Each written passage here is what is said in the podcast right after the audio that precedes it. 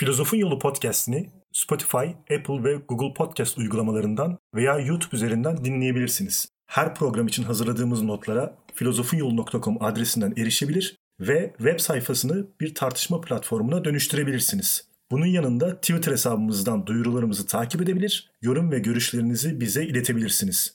Programımızın masraflarına Patreon'dan ortak olabilir veya daha fazla üretim yapmamız için bizi teşvik edebilirsiniz.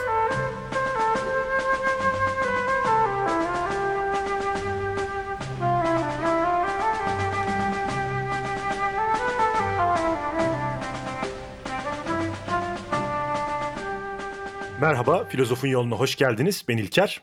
Ben Bilal. Filozofun yolunda bilgi felsefesi konuşmaya devam ediyoruz. Bu programımızda da Aristoteles'ten bahsedeceğiz. Evet, e, program kaynaklarını saymakla başlayayım.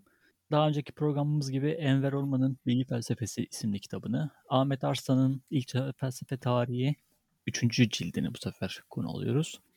Aynı zamanda David Ross'un Aristoteles isimli kitabını ve Macit Gökberk'in Felsefe Tarihi kitabını kullanıyoruz. Her zamanki gibi bilim ve sanatın felsefe sözlüğünde kullanıyoruz. Sokrates'in entelektüelist ahlak anlayışına göre erdeme e, dolayısıyla mutluluğa bilgi yoluyla varılabilirdi. İnsan eğer şeylerin doğrusunu biliyorsa kötülük yapmaz ve mutlu olurdu. Bu yüzden de onun bilgiye önem verdiğini ve öğrencisi Platon'un bilgi, pisteme hakkında ilk değerli toplu çalışmaları yaptığını yine geçen programda görmüştük. Buna göre Platon idea öğretisini bu anlayış çerçevesinde geliştirmiş ve erdeme götüren bilginin ideaların bilgisi olduğunu söylemişti. Tabi gerek Sokrates'in gerekse de Platon'un bilgiyi sağlam bir temele bağlamak istemelerinin önemli nedenlerinden bir diğeri dönemin entelektüel hasımları olan sofistlere karşı gerçek bilgiyi ve bilimi ortaya koymaktı. Zira sofistlerin e, hakikatten uzak göreli bilgi anlayışları ve anarşizan düşüncelerinin önüne geçilmeliydi. Çünkü onlar gerçeğin bilinemeyeceği ya da aslında varlığın olmadığı gibi tehlikeli söylemlere sahiplerdi Gorgias örneğindeki gibi ve son derece de ikna ediciydiler. Aynı sorun Aristoteles'in felsefesi içinde çıkış noktası olacak ve Aristoteles bu sorunu sistematik olarak işleyerek mantığı kuracaktır.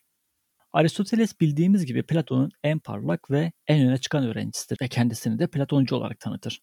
Aslında bir bakıma felsefeyle uğraşan herkes zorunlu olarak Platon'un ele aldığı problemlerle uğraşır ve bu yüzden herkes biraz Platoncudur. Bugün Aristoteles'i herhangi bir Platoncu filozof olarak ele almamamızın sebebi de hocasının felsefesine yaptığı önemli değişikliklerdir elbette. Neydi peki Aristoteles'i farklı yapan şeyler? Aristoteles'in felsefeciliğini farklı yapan şey hocasına göre daha ılımlı ve ölçülü olmasıdır. Her şeyin doğrusunu ölçüp biçmek, her adımını bütünsel bir bakışın öngördüğü çerçeve içinde atmak, aşırı ve radikal tonlardan kaçınmak, Aristoteles'in bütün yapıtlarına sinmiştir. Nitekim felsefesi de hocasının radikal idealizm ve rasyonalizminin ılımlı bir versiyonudur. Biz daha önce Aristoteles'in bilgi felsefesine yönelik kendi serisinde 3 program, içinde bulunduğumuz bilgi felsefesi serisinde de sentezci yaklaşım programı olmak üzere 4 program yaptık. Bu dört program size Aristoteles'in bilgi felsefesi hakkında kaydeder bilgi verse de maalesef tamamıyla kapsayıcı olmayacaktır. Zira Aristotelesçi epistemolojinin temel savları onun mantık, metafizik ve ruh öğretisini kavranmasıyla anlaşılabilir. Benzer durum Platon da içinde geçerliydi elbette. E, itiraf etmeliyim ki Aristoteles'in bilgi felsefesi ve mantığı adı altında yaptığım 3 program biraz dağınıktı. E, konu çok geniş ve teferruatlı olduğu için toplamak benim için de zor olmuştu. E, aynı zorluğu bu program içinde yaşamıyor değilim. Fakat en azından burada derli toplu olması açısından mantık konusunda daha fazla eğilip metafizik ve ruh öğretisiyle ilgili konuları daha kısa ele alacağım ve sizi eski programları dinlemeye davet edeceğim. En azından o konular görece daha derli topluydu.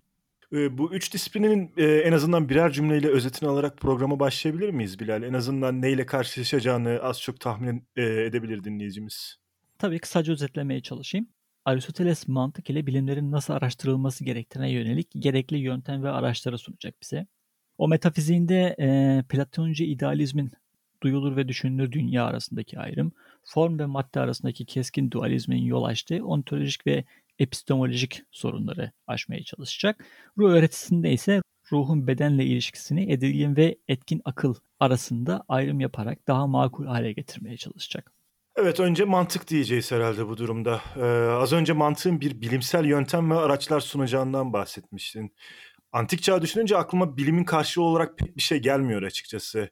Yani Aristoteles bilim derken felsefe ve felsefenin dallarından bahsediyordur belki ama e, biz bugün bunlara bilim demiyoruz sorun orada.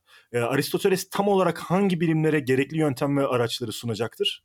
Evet bu soru bir çırpıda cevaplanması güç bir soru. E, dolayısıyla çok kısa bir tarihsel araştırmayla e, konuya başlayabiliriz. Aristoteles e, hatta Sokrates öncesinde doğa filozofları yaptığı araştırmaya doğa felsefesi demişti. Gerçekten yaptığı felsefeler hep doğanın nasıl meydana geldiği, doğadaki değişimlerin nasıl gerçekleştiği yönündeki araştırmalardı. Fakat bu araştırmanın Sokrates ve sofistler çağında yeterli gelmediğini, araştırma ilgisinin insana kaydığını görmüştük. Bu noktada Platon karşımıza çıkmış ve insan ve doğa kavramını beraber ele alan ve açıklayan bir felsefe ortaya koymuştu. İdealar öğretisi. Aristoteles'e geldiğimizde durum böyleydi ama bu bilimsel araştırmalar bütünlükten uzak bir haldeydi. Aristoteles'e göre kendinden önceki dönemlerde araştırılmaya başlanan doğa, insan ve metafizik bilimlerinin araştırılmasına başlanmadan önce bilimin ne olduğu, yapısı üzerine bir araştırma yapılmalıydı. Bu araştırma bilimsel düşünceyi tanımlayacak ve bilimin ne şekilde yapılacağı üzerine bir öğreti ortaya koyacaktı. Bu araştırmanın ön adamı olarak Aristoteles bilimleri teorik, pratik ve prodüktif bilimler olarak sınıflandırır. Bunu Aristotelesçilik programında konuşmuştuk. Teorik bilimler matematik, fizik, teoloji ve metafizik. Pratik bilimler ahlak ve politika. Prodüktif bilimler de nihayetinde bir şeylerin, bir şey, ürün veya eşyanın elde edildiği zanaatları kapsayan bilimler olacaktır. Pardon burada bir girdi yapacağım Bilal. Şimdi bir noktada senin mantıktan bahsetmeye başlayacağını biliyorum ama bu bilimlerin arasında mantığın olmaması benim dikkatimi çekti. Ee, şimdi matematikle benzerliği göz önüne alınırsa teorik bilimler arasında yer alması gerekiyormuş gibi geldi bana da. Çünkü Aristoteles'e göre mantık bir bilim değildir. Mantık herkesin herhangi bir bilimle uğraşmaya başlamadan önce kazanması gereken genel kültürün bir parçasıdır. Kaldı ki Aristoteles e, mantık terimini de kullanmaz. Bilmez bile. O mantığa analitik der. Mantık terimini ilk defa biz Afrodisias'ta Aleksandros'un kullandığını görüyoruz. Daha öncesinde logika mantıktan çok diyalektik anlamında kullanılmıştır. Ona göre mantık bütün bilimler için bir hazırlanmadır. Bundan ötürü Aristoteles'in okulunda mantık hep bilimsel çalışmanın bir aleti diye anlaşılmıştır. Bu alet de elbette belli bir yöntem ve yordamlarla kullanılacaktır. Mantığa kelime karşılığı olarak alet desek de mantık bir takım ilkelere uygun olarak yürütülmesi gereken bir faaliyettir. Bu ilke ve kuralların bilgisi, onlara uygun olarak düşünmenin gerçekleştirilmesi özel bir sanat gibi işler. Bundan dolayı mantık bir bilim olmamakla birlikte bir sanattır. İslam dünyasında da mantık sanatı diye bahsedilir mantıktan genelde. Yani günümüzde mantık için bilim denmediğini biliyorum ama sanat da denmiyordur herhalde değil mi? Evet, eee, günümüzde matematik ile aynı seviyede. Yani bir, eee, disiplin olarak görülür ve formel mantık olarak adlandırılır. Esasen Aristoteles'in bilimden sınıflandırması da günümüzden epey uzaktır. Zira onun teorik bilimler altındaki fizik bugün, eee, teorik altındaki fizik sadece bugün bilim olarak görülür ve Aristoteles'in de icra ettiğinden epey farklıdır. Evet, eee, biz mantığa doğru düşünme yöntemi diyoruz genel olarak. Aristoteles için de aynı şey geçerlidir değil mi? Evet, fakat Aristoteles için sadece doğru düşünmenin kurallarından da ibaret değildir. Bunu da biraz sonra anlatmaya başlayacağım. Fakat bundan önce doğru bilgi ile doğru düşünme arasındaki farktan bahsetmek istiyorum biraz. Ee, bilgi dediğimiz şey algısal gerçeklikle ilgilidir ve bilginin doğru olması için algısal gerçeklikle uyumlu olmalıdır. Dile getirdiğimiz önermelerinin içeriğinin nesnel bir karşılığı varsa bir doğruluk değeri vardır. Şu anda dışarıda kar yağdığını söylediğimi varsayalım. Hatta varsaymayalım. Şu an dışarıda kar yağıyor diyorum. Şu an gerçekten de dışarıda kar yağıyorsa söylediğim şey içeriği açısından bir gerçeklik değeri taşır ve biz buna bilgi deriz. Fakat bilginin ve bilgileri ifade araçlarımız olan önermelerin yalnızca bir gerçeklik değeri ve buna bağlı olarak da içeriksel değeri yoktur. Ayrıca bir düşünsel veya biçimsel doğruluğu da söz konusudur. Düşüncenin biçimsel doğruluğu ne demek oluyor? düşünceler arasındaki düşünceler dizesindeki tutarlılık ve uyumluluğa biçimsel doğruluk diyoruz. Yani bir dediğimizin bir diğerini tutması, uyumlu olması yani. Her zaman verdiğimiz örneği tekrar edelim. Tüm insanlar ölümlüdür.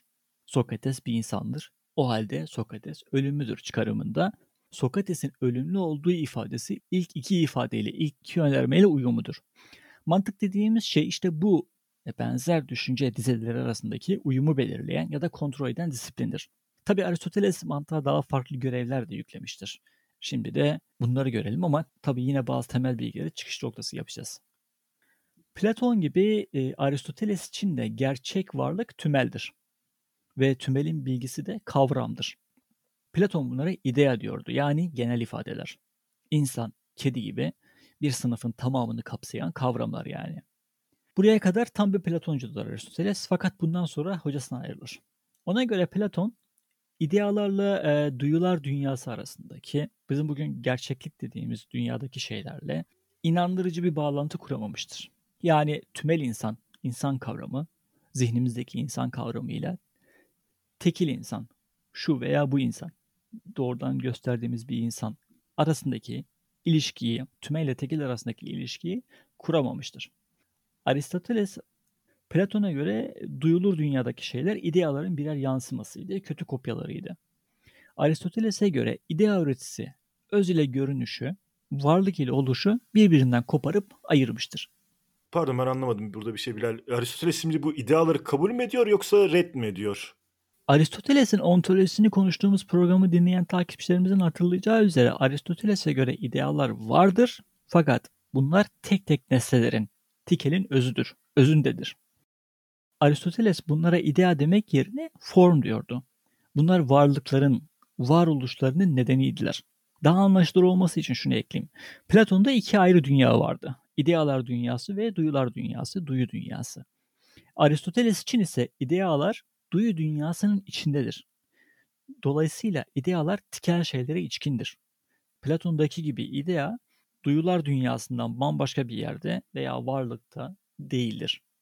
Bu anlayış da mantığın karşısında ilk planda şu ödevi çıkaracak. Tümel ile tekil arasında, yani tikel arasındaki doğru bir doğru ilgiyi ortaya koymak. Sokrates'in doğru bilgiye kavramla varılır ilkesi Aristoteles için de esastır. İdea tümel gerçek varlıktır ve oluşun nedenidir. Dolayısıyla algılanan tek şey, algılanan tek tek şeyler tümel ile tümele dayanarak kavranmalı veya açıklanmalıdır. Yani bilimin yapacağı işte e, kavram olarak bilinen tümelden tekilin nasıl çıktığını göstermek mi olacak? Evet. Aristoteles için tümeli bilmek başlı başına bir amaç değildir. Ancak tekili anlamak için bir araçtır. Tümele dayanarak tekili kavrayınca bilgi de tamamlanmış olur. Çünkü bilimin asıl amacı tekili kavramaktır. Platon'daki gibi bilinmez, ulaşılamaz idea ve idealar dünyasını değil de bu dünyayı, oluşu ve yok oluşu bilmek, buna ilişkin doğru bilgiyi bilmek istiyoruz ve bilim de bu görevi üstlenecek Aristoteles'te. Bilim ve bilginin temel kavramlarından konuşmaya devam edelim. Biz neye doğru deriz ve doğru veya yanlışın öğeleri nelerdir diye soralım. Aristoteles'e göre ancak bir önerme doğru ya da yanlıştır. Dolayısıyla bilgi ancak önermelerle kurulur değil mi? Yargı belirten ifadelere doğru veya yanlış diyebiliriz. Önermeler iki şekilde karşımıza çıkar. Ya iki kavramın birleştirilmesi ve ayırt edilmesi söz konusudur ya da bir deyidir, kategoridir Aristoteles'in deyişiyle. Buradan Aristoteles kategoriler öğretisine varıyoruz. Pardon Bilal bölüyorum. Ee, şimdi Aristoteles'in anlatısına uygun şekilde anlatıyorsun burayı değil mi? Burada koptum biraz ben açıkçası. Şimdi biz doğru veya yanlıştan bahsederken mesela kar beyazdır gibi yargı belirtilen e, belirten ifadelere doğru ve yanlış diyoruz değil mi? Evet. Bir yargıda yani önermede temel olarak özne ve yüklem olması zorunludur. Yani kendisi için bir deyide bulunan şey ile bu deyi kendisi için bir şey denilen daima bir nesnedir bir tözdür, tek bir şeydir. Ancak tek tek şeyler yargımızın konusu olabilir ve bu şeylere yüklenebilecek özellikler de kategoriler olarak adlandırılır Aristoteles'te. Yani kar ve beyaz kavramları mı kategori oluyor burada? Kabaca evet. Kategoriler önermelerin kendilerinden meydana geldikleri en basit unsurlardır.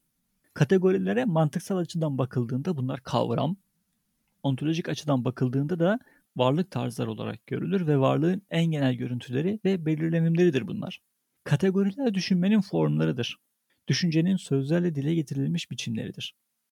Aristoteles için söz, düşünülenin bir simgesi, bir işaretidir. Ama kategoriler düşüncenin formları olarak aynı zamanda varlığın da formlarıdır. Çünkü nasıl sözler düşüncenin işaretleri ise düşünceler de var olanın yansılarıdır, benzerleridir. Çünkü düşüncenin doğru olması demek, var olana uygun olması demektir.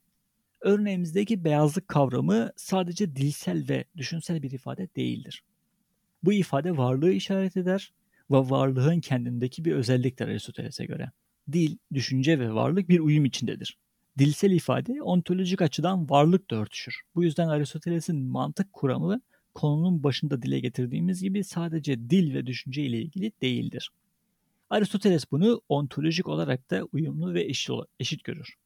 Bu yeni bir şey de değildir esasen. Doğru ile varlığın bir ve aynı oldukları düşüncesi Platon'un da bilgi teorisinin temelidir.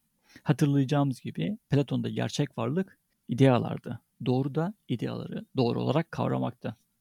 Peki bu peki bu kategorilerin bir sınıflandırılması ya da sayıları belirtilmiş midir? Yani her şeye kategori mi diyor Aristoteles? Aristotelesçe mantık açısından bilgilerimizin içeriğini oluşturan ontolojik gerçeklik 10 kategori şeklinde sıralanır. Bunlar töz, nitelik, nicelik, görelik, yer, zaman, durum, iyilik, etki, edilgi şeklinde sıralanır. Töz kendi belirlenimlerinin, kendi niteliklerinin taşıyıcı öznesidir. Ayrıca kendi ilneklerine yani zorunlu olmayan niteliklerine göre tözdürler. Tüm bireysel tözler aynı zamanda kendi varlıkları açısından zorunlu türe özgü biçimlere sahiptirler ve böylece vardırlar. Aristoteles'in organonda ele aldığı kategorileri bir örnekle açıklayalım ve insan kavramını üzerinden açıklayalım. Bireysel bir insan. O beyaz tenli biridir. Burada onun niteliğinden bahsediyoruz. 2 metre boyundadır. Burada bir nicelikten bahsediyoruz. Arkadaşına göre uzundur. Göreli halinden bahsediyoruz insanın. Şu anda evdedir. Yer, yersel durumundan bahsediyoruz. Hangi konumda olduğundan bahsediyoruz. Akşam dışarı çıkacak. Zamanla olan ilişkisinden bahsediyoruz. Şu anda oturuyor. Durumundan bahsediyoruz. Elinde bir bıçak var. İyilikten bahsediyoruz soğanları kesiyor. İnsanın yaptığı etkiden bahsediyoruz. Gözleri yaşarıyor. Soğanlardan etkileniyor. Edilgin bir halinden bahsediyoruz. Tüm bu kategoriler bilgi felsefesi bağlamında herhangi bir bireysel tözü bilmemize, bilgimizin asıl zeminini oluşturan evrensel form ya da biçimler altında sınıflandırmamıza el veren genel çerçeveler ve kategorilerdir. Varlık sadece bu kategoriler içerisinde var olabilir diyor Aristoteles. Biz de temelde yani en basit o kar beyazdır örneğindeki gibi önermelerin öğelerinden bahsediyoruz burada. Önermelerde nasıl kavramlar vardır ve bunlar aynı zamanda varlık olarak da gerçekten o haldedirler. Hakikatle ya da doğrusu varlıkla düşüncenin, kavramın uyumundan bahsediyoruz burada. Buna göre bu kategorilere göre varlığın örneği çıkarılır. Dolayısıyla da yargının formları aynı zamanda varlığın biçimleri olur haliyle. Bu kategoriler hep bir tözün belirlenimleri olduğu için gerçeğin, varlığın asıl tözü de tözdür ya da tözlerin bir toplamıdır. Kendileri için bir şeyler denen tözler de hep tek tek varlıklardır, tekil olanlardır.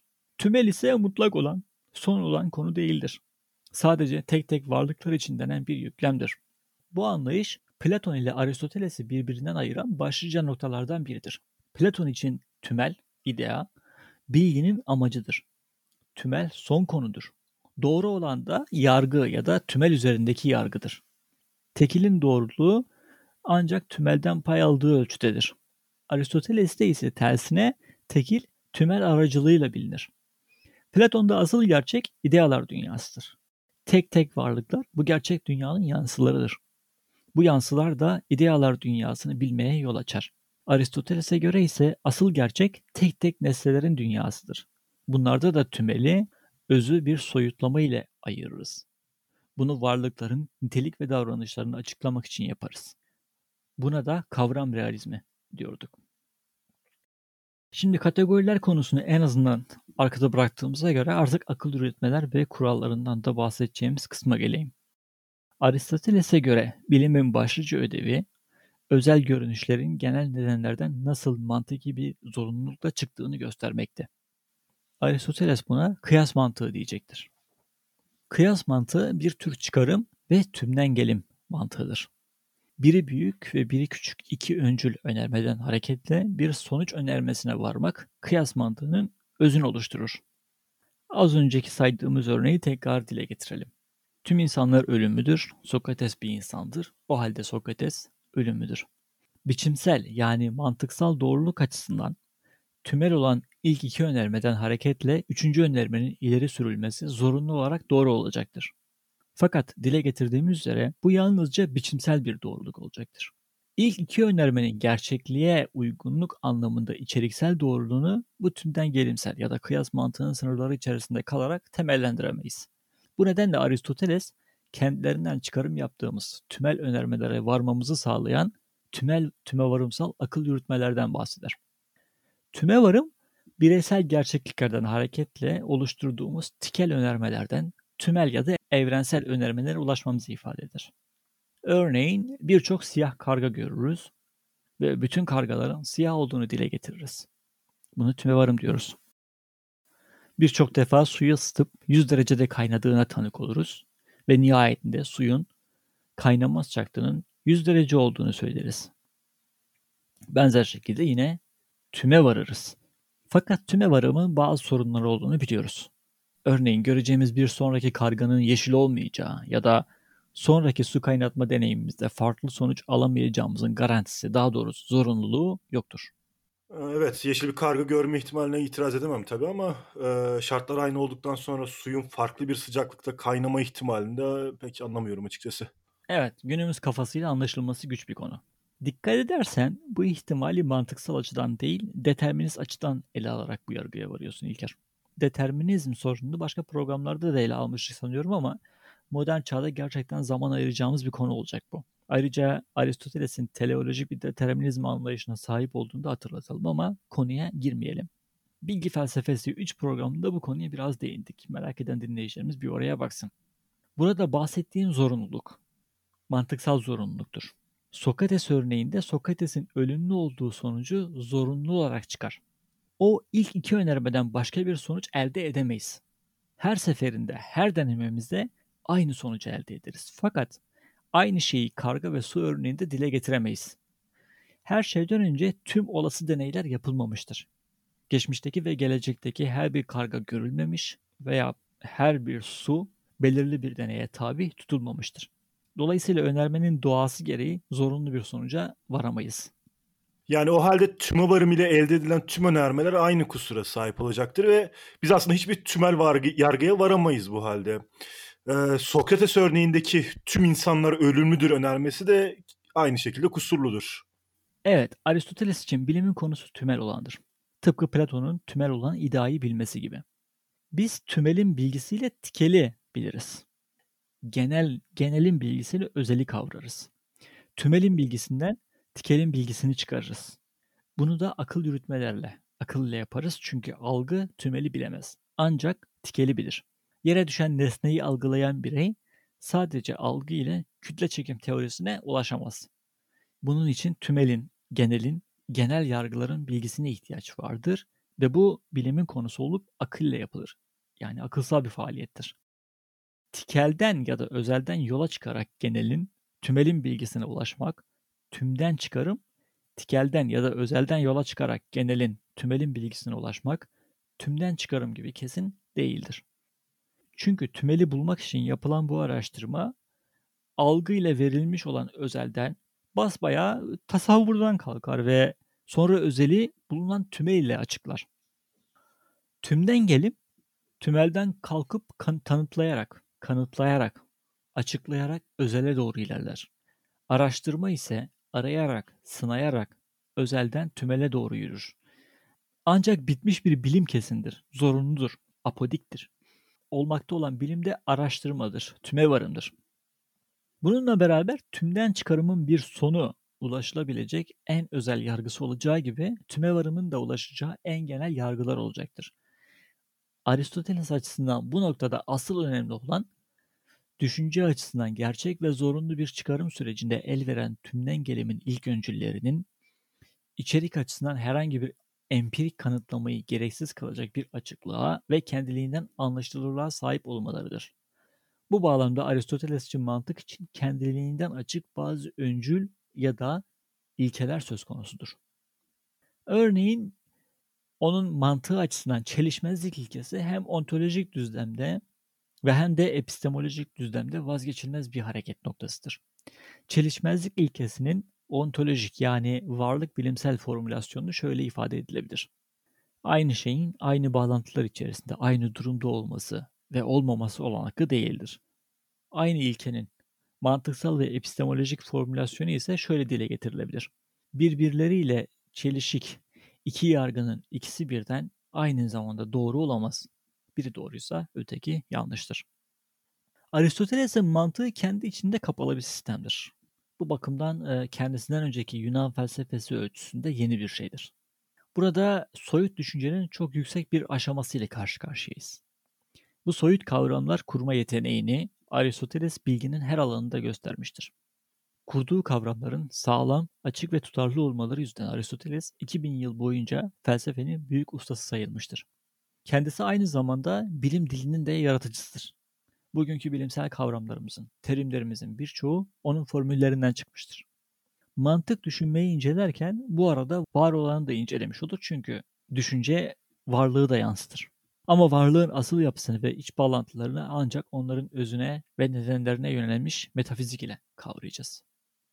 Bu konuyu dinleyip anlamamak dinleyicilerimiz için şaşırtıcı olmayacaktır. Hatta dinleyip anlayıp muhtemelen yaptığımız bazı hataları kavramak bile bu iş üzerine epey uğraşmış bir insanın anca yapabileceği bir iş. Ziyadesiyle teknik konu olduğunu farkındayım. Fakat bu teknik ayrıntı isteyen dinleyicilerimiz de var. Nitekim biz de böyle bir program yapıyoruz. Konu teferruatlı. Biraz zaman ayırmak, üzerine kafa yormak gerekiyor. Sadece bu programı dinleyerek maalesef anlamak mümkün değil. Fakat biz yine de anlatacağız. Fakat e, konunun metafizik ve psikoloji kısımlarını bu kadar ayrıntılı olarak ele almayacağım. Daha çok özet olacak. Bu programları dediğim gibi daha iyi anlatmıştık Aristoteles serimizde. Nihayet Aristoteles'in biz 10-12 program yapmıştık herhalde.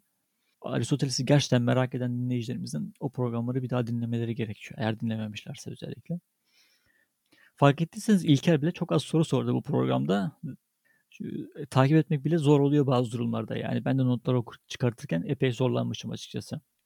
Evet ben de itiraf etmeliyim ki e, biraz evvel de söylediğim gibi kafam sık sık karışıyor. Ne demek istiyor acaba düşünüyorum. Yorum yapmakta bile bazen zorlanıyorum. Evet. Daha fazla uzatmadan metafizik konusuna geçeyim. Platon varlığı tasdir ederken varlık dünyası ve oluş dünyası diye onu ikiye ayırmış. Ee, ve bunlara karşılık olarak da bilgi dünyası ve sanı dünyası olarak kurguladığı dünya dualist bir e, yapı inşa etmişti. Fakat bu felsefede ne bilgi dünyasını tam olarak bilebiliyor ne de elimizde olan sanı dünyasına kaydı değer bir seviyede seviyeye çıkaramıyorduk. Aristoteles e, bu felsefeyi baş aşağı çevirmiş ve görünür dünya için öngördüğü form ve madde birlikleriyle sorunu aşmaya çalışmıştır. Platoncu idealizm bağlamında varlığı akılsal yönden meşru ve zorunlu olmayan algı dünyasını felsefi olarak temellendirilmek sorunlu görünmektedir algılarımıza güvenemiyor ve algıdan elde ettiğimiz bilgiye gerekli ehemmiyeti gösteremiyorduk. Algı dünyasına bir yanılsamalar ve sanılar dünyası demek de haliyle sorunu gerçek anlamda çözmüyordu. Tüm bu epistemolojik ve ontolojik sorunları aşmak için Aristoteles, hocası Platon'un idealizmini ılımlaştıran hiyerarşik bir varlık ve bilgi yapısı önerecektir. Ee, burada ılımlaştırmak derken ne demek istiyorsun? Yani ne yapmıştır tam olarak ılımlaştırırken? Bu bahsettiğimiz Platon'un e, idealar dünyasıyla duyular dünyasındaki ayrı, arasındaki keskin ayrımı biraz yumuşatmaya çalışmıştır. Ve arasında doğru düzgün bir ilişki kurmaya çalışmıştır. Ilımlaştırmak derken kabaca bundan bahsediyoruz aslında. Bunu yapmak için de öncelikle bir varlık hiyerarşisi kurmuştur. Varlığı baştan aşağı tanımlamaya çalışmıştır. Sistemin en tepesinde Tanrı vardır. Kendi kendisini düşünen düşünce olarak Tanrı tüm evrensel varoluşun ereksel nedeni olan maddesiz formdur. Maddesiz form ya da arı düşünce olan Tanrı tüm bireysel ve ilineksel belirlenimlerden arındırılmış olduğu için oluş ve değişime tabi değildir. Tanrı ideal varlığıyla tüm evrensel varoluşun kendisine yöneldiği mutlak ereksel neden ya da sebeptir. Tanrı'ya hareket etmeyen hareket ettirici diyorduk. Tüm varlık adeta onun etrafında veya ona doğru pervane olmuş, ona ulaşmak, ona benzemeye çalışmaktadır. Teleolojik nedensellik dediğimiz şey de böyle çalışıyordu. Tüm varlık bir amaç için vardır ve bir amacı yürür. Ee, bu hiyerarşinin en altında ne var peki? Aslında gerçek anlamda bir var, varlık içermeyen ve tümüyle potansiyel gizil olduğu varsayılan madde bulunur. Hile kelimesi bunun karşılığında gelir. Bu en altta bulunan biçimsiz madde, bu hiç, bu hiçbir şey olan şey, biçimsiz olarak var olamayacağı ve bilinemeyeceği için gerçek bir belirlenim değil, yalnızca bir varsayımdır. Tanrı nasıl ki kendini düşünen ideal varlık olarak mutlak bilgelik ise, gizil maddede tüm biçim ve bilinç durumlarını yittiği bir ayrımsızlık varsayımıdır. Mutlak biçim olarak Tanrı ile biçimsiz madde arasındaki tüm diğer varlıklar biçim ve maddenin bileşimleri olarak hem duyulur hem de düşünülür bir yön taşırlar ve onların bilinmesi bu iki zihinsel yetiyi de gerektirir. Bu bağlamda Aristoteles empirik gerçekliğin bilinmesi için hem algıyı hem de düşüncenin soyutlama yetisini gerekli görür. Platon'un duya hiç değer vermeyen sisteminden duyunun da aklında rol aldığı bir varlık düzeni ve dolayısıyla bilme etkinliği sağlanmış olur.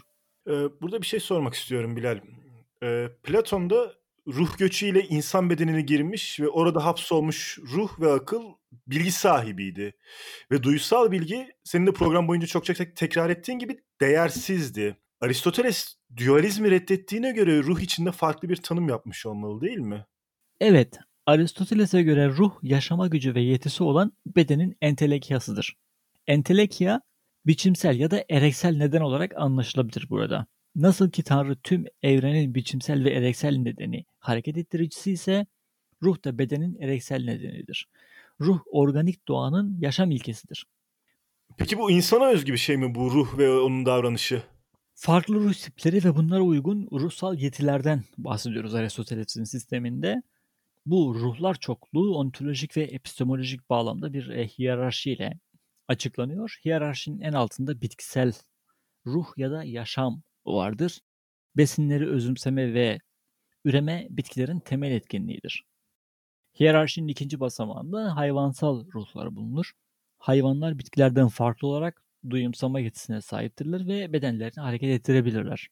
Hayvanların duyusal algı ve mekansal hareketine ek olarak içgüdü tarzında istekleri ve belli bir düzeyde gelişmiş bir bellekleri de vardır. Aristoteles'in ruhsal biçimler hiyerarşisinin bir üst aşamasında insan ruhu bulunur. Çünkü insan ruhu diğer hayvanlardan farklı olarak akıl yetisine sahiptir. Zira Aristoteles insana düşünen hayvan diyordu. Akıl insanı hayvansal varoluşun çok ötelerine taşıyabilir. Çünkü insanın ruhsal yetileri arasında yalnızca akıl hem ontolojik hem epistemolojik bir düzlemde tanrısal bir karakter taşır. Aristoteles için akıl ruhun tüm yetileri içinde bedenden bağımsız bir varlığa ve bilgi değerine sahip tek yetidir. Bireysel ruh bedenle ortaya çıkıp yok olduğu için ölümüdür.